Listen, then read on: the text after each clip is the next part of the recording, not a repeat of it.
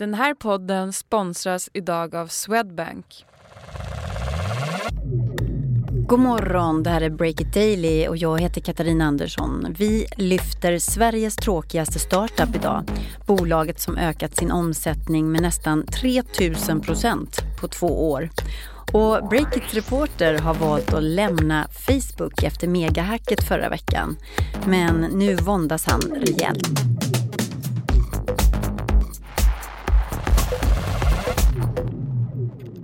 Det är torsdag den 4 oktober och Breakits avslöjande om sexism, tafsande och trakasserier på techbolaget Benify har fått storkunder att reagera. Pensionsjätten Alecta har varit i kontakt med Benify-cheferna. Vi ser väldigt allvarligt på all form av diskriminering, kränkningar och brister i jämställdhet, säger presschefen Kristina Malmberg till Breakit. Hon säger att Alekta fått svar på sina frågor och att hennes uppfattning är att Benify fått bukt med sina problem nu. Citat, om än något senfärdigt. Slut citat. Lime Technologies ska till börsen, till Stockholmsbörsens huvudlista med en värdering på en miljard kronor.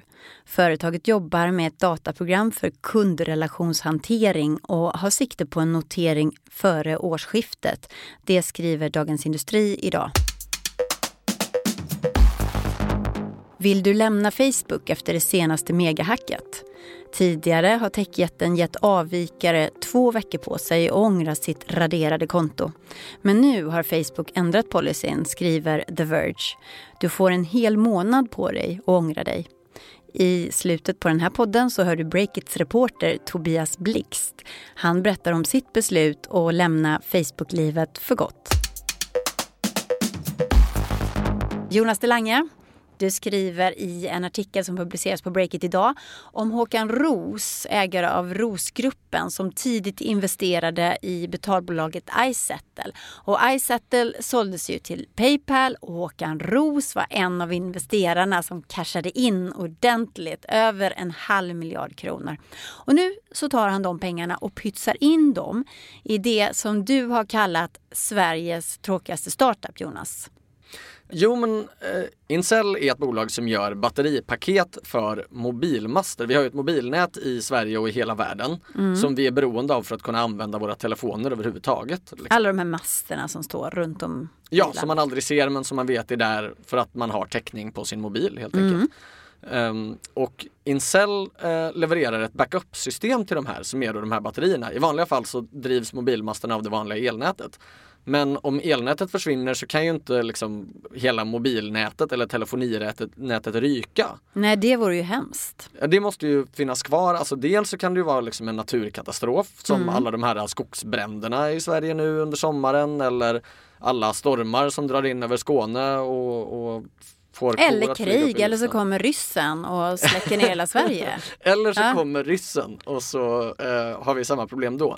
Backup-tiden är ju bara fyra timmar så att vi har inte mobilnät så himla länge efter att ryssen kommer. Mm. Eh, men då är det i alla fall Incel då som levererar eh, systemen, alltså batterisystemen till det här och kopplar upp de batterierna till molnet så att det blir lättare för, för telekombolagen. Så de är koll. alltså livsviktiga för oss på ett sätt? Kan ja, men det, det är eh, samhällets sista försvarslinje från total kollaps när mm. katastrofen inträffar. Kommer du att sluta att kalla Incel för Sveriges tråkigaste startup nu då?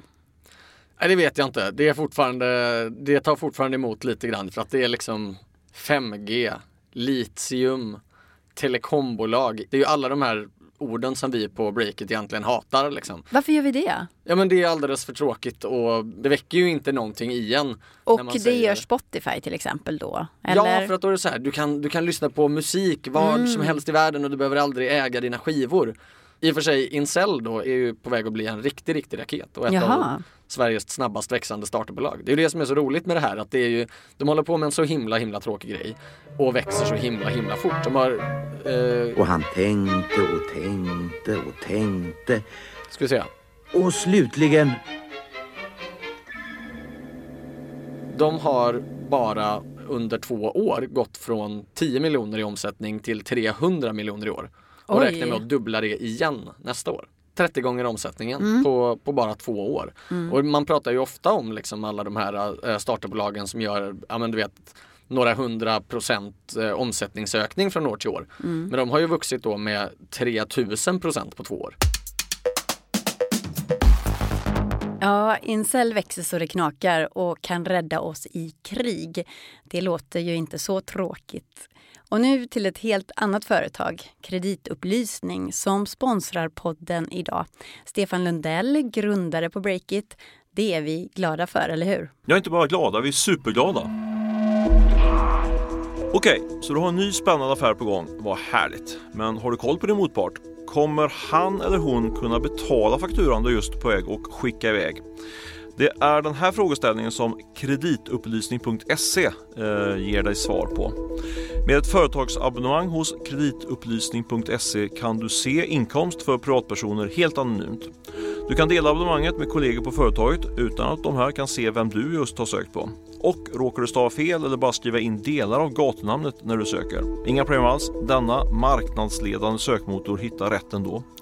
Så ge dig själv ett försprång med en riktigt bra kreditupplysningstjänst. Lycka till med dina affärer och läs mer om det här på kreditupplysning.se.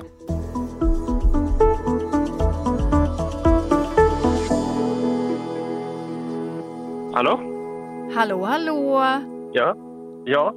Eh, hör du mig bra? Idag är det sex dagar sedan det stora Facebook-hacket hände. Och eh, Tobias Blix på Breakit har bestämt sig nu. Han lämnar Facebook. Varför tog du det här beslutet, Tobias? Eh, det grundar sig väl ganska enkelt i att eh, jag, jag litar väl inte helt enkelt på att Facebook kan ta hand om eh, totalt vad är det, tio år av min personliga information som de har samlat på sig nu. Det här var lite spiken i kistan. Hur känns det? Det, det känns bra egentligen att eh, på något sätt eh, få bort det här kontot och börja om på en ren kula. Men det känns ju också som att man kommer få jobba lite hårdare med saker som man tog för givet förut. Man måste hitta alternativ till väldigt många saker som man har gjort enkelt genom Facebook förut. Lycka till då! Ja, tack! Vi följer på nära håll Tobias Blix kamp för ett liv utanför Facebook. Och Break It Daily hör du imorgon igen. Olle Aronsson heter vår ansvarige utgivare och själv heter jag Katarina Andersson.